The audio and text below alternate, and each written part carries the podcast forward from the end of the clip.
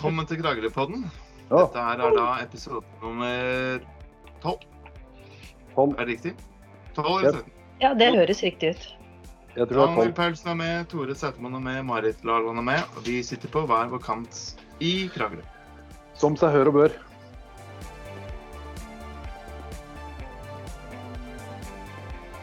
Tror dere det blir en liten babyboom om ni måneder, eller? Nei, Er det en hyggelig sideeffekt? nei, nei, det tror jeg ikke. Ikke? Nei, det tror ikke jeg heller. Det jeg. Jeg tror folk blir så dvaske og late at de ikke gidder. Ja, er- Og dystre. Dystre, ikke minst. Ja. Det er ikke noe man finner liksom ikke noe vits i og glede i å reprodusere. Det var, det var, det var gloomy. Eh, Jeg tenker at Den eh, gode sideeffekten av dette her er nettopp det at folk finner litt sammen igjen. da. Med litt stearinlys og Det er din jobb, Knut, å være så positiv og optimistisk på det. Så kan jeg være, mot, kan jeg være motvekta. Ja, ja. Men Knut, du har allerede tre, har du ikke det? ja jeg, jeg, jeg skal ikke Vi er ferdig med det. Vi er ferdig med alt du tar ikke ansvar, du tar ikke ansvar for det. Vi skal bare, bare ha den fine musikken. Det har seg slik at Marit har et dikt til oss. Det er et eh, dikt som er skrevet av en eh, ung mann som heter Sindre Skeie. Han har eh, eh, tenkt litt på det i disse koronatider. Eh, om eh, hverdagsfolk. Og diktet heter 'Hvis alt hadde vært som vanlig'.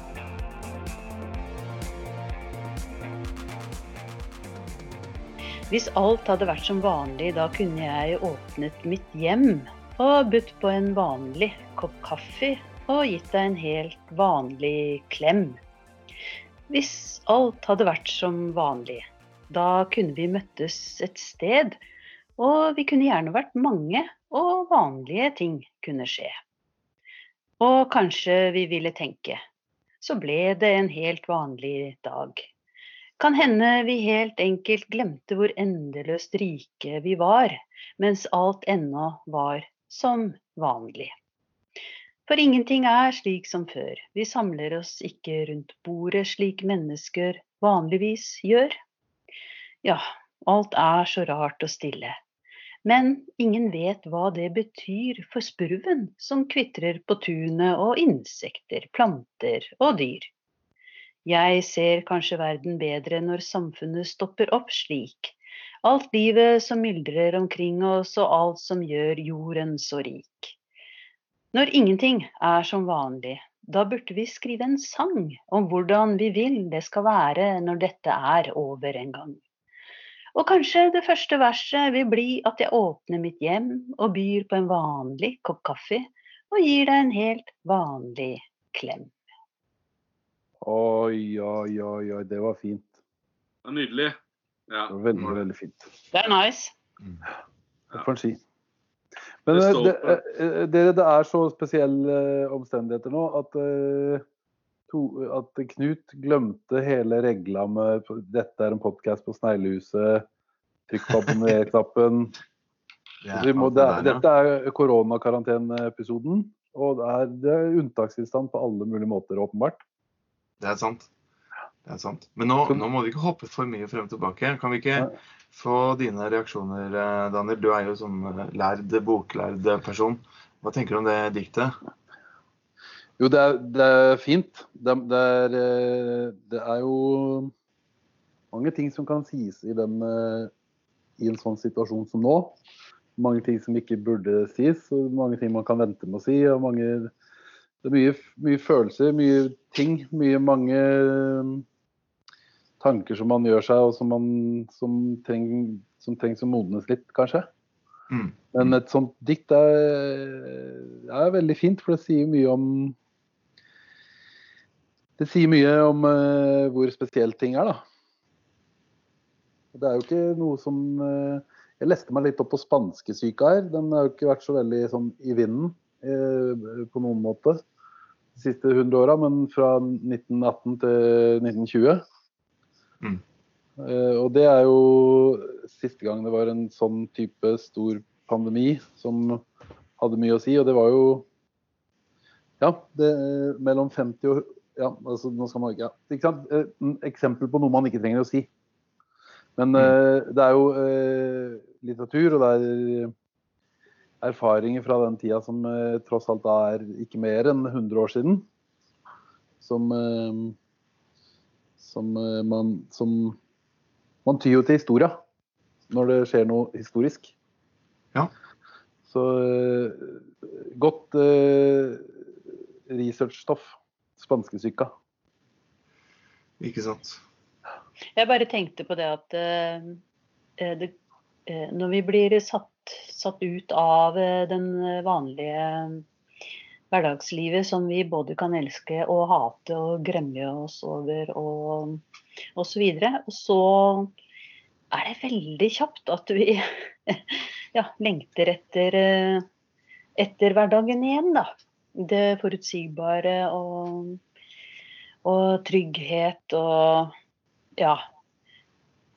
Det, det derre Ikke sant, sånn som når vi sitter nå. Nå sitter vi på hver vår eh, I hvert vårt eh, hjem rundt omkring i denne lille byen hvor vi bor i. Og vi kan ikke fysisk være til stede. Eller vi kan, men vi har valgt å ikke være det.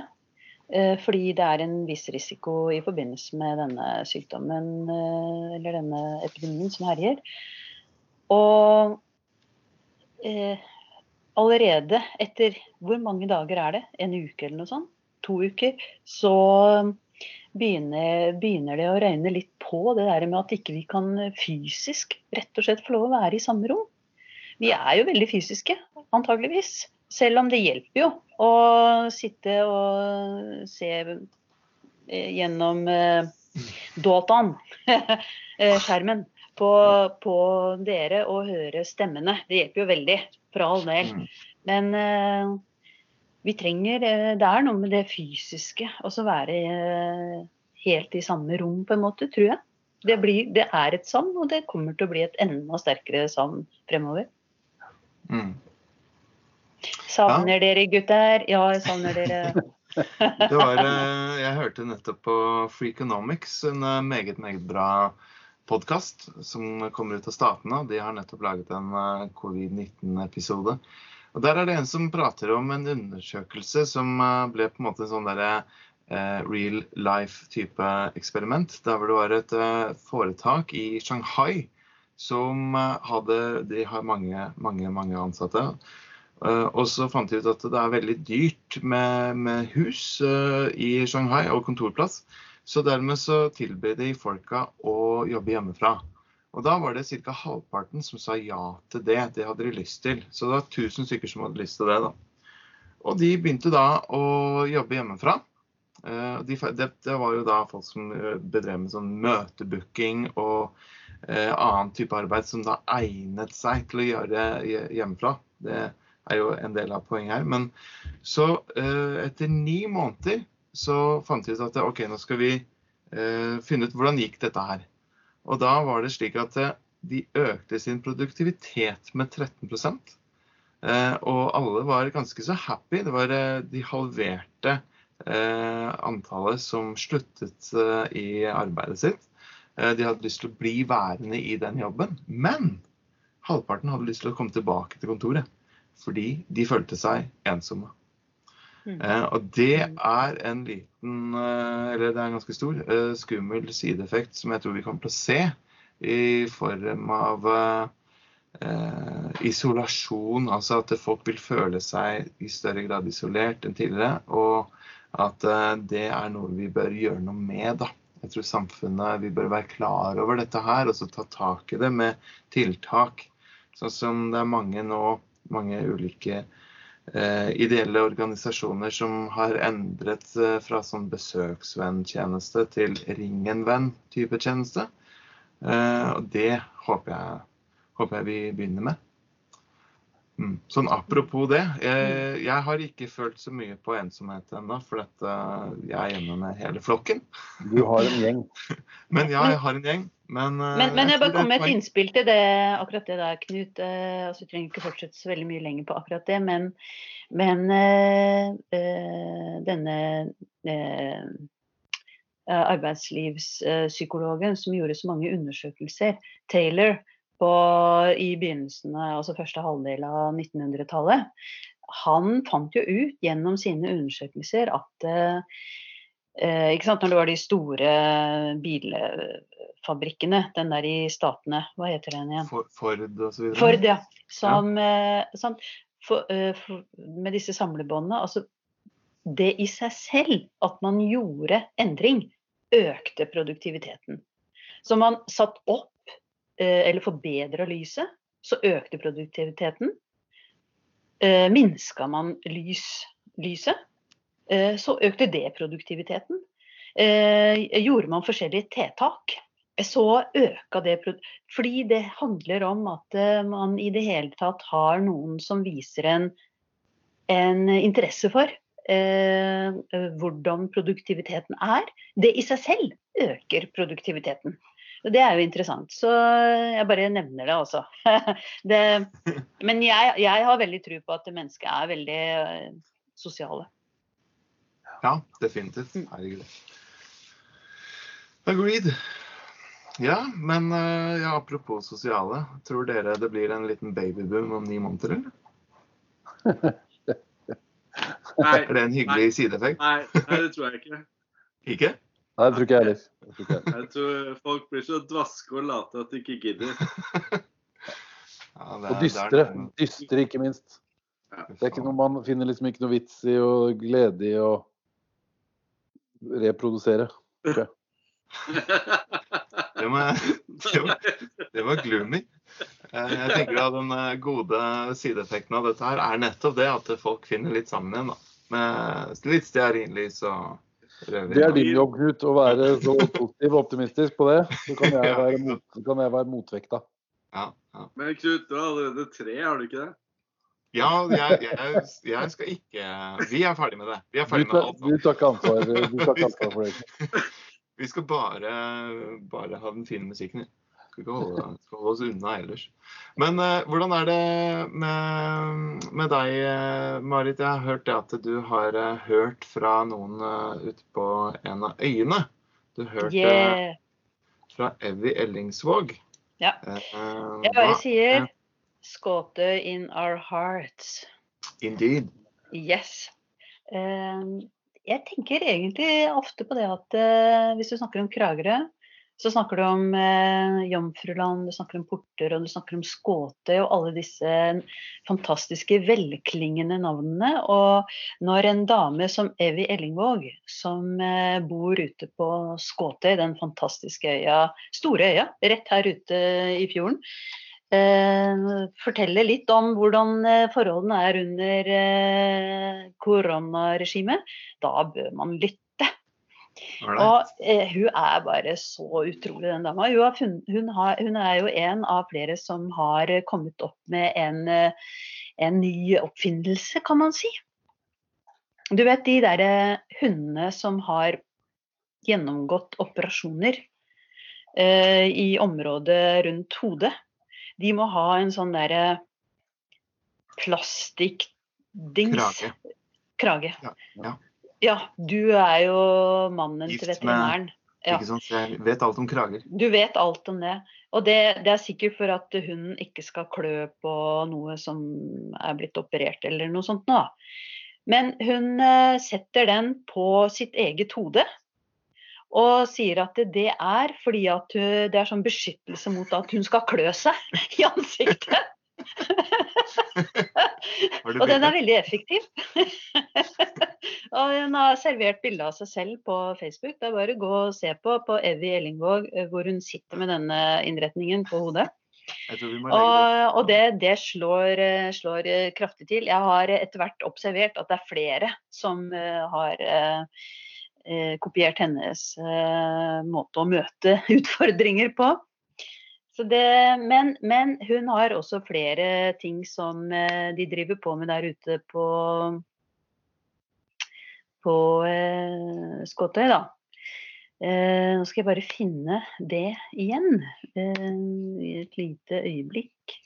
Altså, jeg, jeg, jeg kan bare si det jeg husker i farta. Det er i hvert fall at eh, de har eh, fått fart i i eh, det der med å drive med sånn kjøre Du vet, øvelseskjøring. Til å ta bilsertifikat? Ja. Ja. Så nå, nå ute på Skåtøy, nå så er det to ungdommer som driver med øvelseskjøring ute på Skåtøy. Og, eh, og der får de jo full støtte da, eh, av eh, de voksne. Og den strekningen der, jeg vet ikke hvor lang den er, er det noe sånn som syv kilometer eller noe sånt nå? Det er jo veldig passelig. Det er jo svingete, det er grus, det er asfalt, det er eh, alt man kan møte på. Eh, og, og det Da er det en del av tidsfordrivet der ute. Og ellers har hun også satt i gang med quiz og diverse, da. Så ute på Skåtøy, der eh, skjer det saker og ting for å gjøre koronaregimet lettere i hverdagen. Så ja. sjekk, sjekk ut Evy Ellingvåg. Alltid noe på gang. Så greit. Glimrende. Ellers er det jo veldig greit med øvelseskjøring på Skotøy sånn generelt, eh, vet jeg. Fordi at det er så veldig sjelden at eh, UP tar seg turen, og spesielt nå. Så er det, det er veldig sjelden politikontroller der ute. På Men jeg, jeg, jeg ser bare ett problem, da. Det er at du lærer jo ikke å kjøre bil. Du er kjø prøvekjører på Skotøy. Eh, Hvordan kan du lære å kjøre bil på Skotøy? Mm, Du har, du har, ikke, vært, du har ikke vært på Skotøy, Tore? eller? Ja, men eh, Det er ikke så mange lyskryss her. Men lyskryss, altså Tore, lyskryss er ut. Nå er det rundkjøringer som gjelder. Vi kan kjøre rundt og rundt på Skåtøy, vet du. Det er bare å legge en sånn uh, melkekartong midt på veien, så kjører man rundt den. Så, OK, det ja, er greit. Jeg skal, jeg skal ikke le av det. Nei. Eh, men uh, ja, men jeg ser poenget ditt. Jeg gjør det. ja. Men sånn er det. Jeg husker da jeg tok jeg lappen, det er jo 20 år siden, sånn, så husker jeg det store temaet var om man kunne få lov til å kjøre opp i, i eh, Drammen eller et eller annet annet sted. Altså, jeg bodde jo da i Oslo på, og kjørte opp i Oslo og syntes det var eh, ganske heftig. Og så hørte jeg om folk som kjørte opp i Horten og sånne steder der hvor de har på den tida liksom hadde ti lyskryss, eh, og ingen var skumle. Ingen var sånn dødsfeller. Så tenkte jeg det var sikkert mye bedre å kjøre opp der. Uh, ja, og jeg tror kanskje jeg var sikkert ikke alene om å tenke sånn. Men, men. Uh, så har vi en uh, Facebook-nyhet. Det er ganske mye morsomt som skjer i med disse politiske partiene våre, Tore. Viser det seg at de har begynt å få viljen sin? Nei, altså jeg, jeg sitter jo og følger med i Facebook-feed. Det er jo stort sett min eneste hobby for tiden. Så eh, da ser jeg en viss herr Spetalen som har skrevet eh, en, en kloke ord her, eh, hvor han kommenterer Jeg kan sitere. Nå har alle partier fått det de ville. Frp har fått stengt grensene. De Grønne har fått flyene på bakken. Sosialistene har fått ned kommersialismen. Senterpartiet har fått alle tilbake inn i hjemmene. Høyre har, har fått gitt stimulansepakker til næringslivet. Og KrF har fått stengt pubene, sier Petter. Og det syns jeg er egentlig ganske fint sagt. Da har alle fått viljen sin, og samfunnet går helt stille. Samfunnet går til skjer. Da går det helt eh, Jeg, jeg syns det var litt snedig. Ja, Så ja, jeg tenkte at jeg bare ville dele med dere. Det er veldig paradoksalt. Eh, Alle får det som de vil, og ting går ad undas. Ja. Økono økonomisk, da, vel å merke. Ja, ja, og det er jo det som teller, Daniel. Kom igjen, da. Det er jo pengene. Ja, det er klart det. Ja. Ja. Så tenkte jeg bare ville ha en liten eh, altså Jeg hørte i går på noe helt genialt som alle burde høre på. Og det er da Stephen Fry, det er 'Seven Deadly Sins'. Hvor han går gjennom de, s- de syv dødssyndene. Og i går hørte jeg på det som gikk på som angående wrath da, og sinne. Så eh, til Kragerøs befolkning og alle befolkningen i hele verden, alle må inn og høre på Stephen Fry. Det er dagens reklame. Det er helt nydelig. Eh, Så da får man eh, et sånt menneske som kan Ja, et ekte renessansemenneske, folkens. Glimrende. Ja, betyr det egentlig at man kan veldig mye om mange ting? Renessansefolk? Det er Ja. det det betyr. Det er ikke det at de er bare stein gamle, liksom? Nei, det er et uh, menneske som har uh, kultur. Noe så sjelden som Ah. kultur. Ah, Har virkelig masse kunnskaper om mange ting. Og, og for en nydelig stemme, da, mann. Han er jo som født for det mediet her. Så det er som skapt for podkast, er Steven Fry, altså. Da gleder, jeg, da gleder jeg meg til å høre, eh, sjekke ut Stephen Fry. Hva var det du sa den het? Det var Seven Deadly Sins? Se- Ja. Ja, ja, Det er det. Right. Ja, tusen takk, folkens. Dette var vel eh, det siste ordet på, for denne gang. Så høres vi om ikke så altfor lenge. Ha det bra. Hei.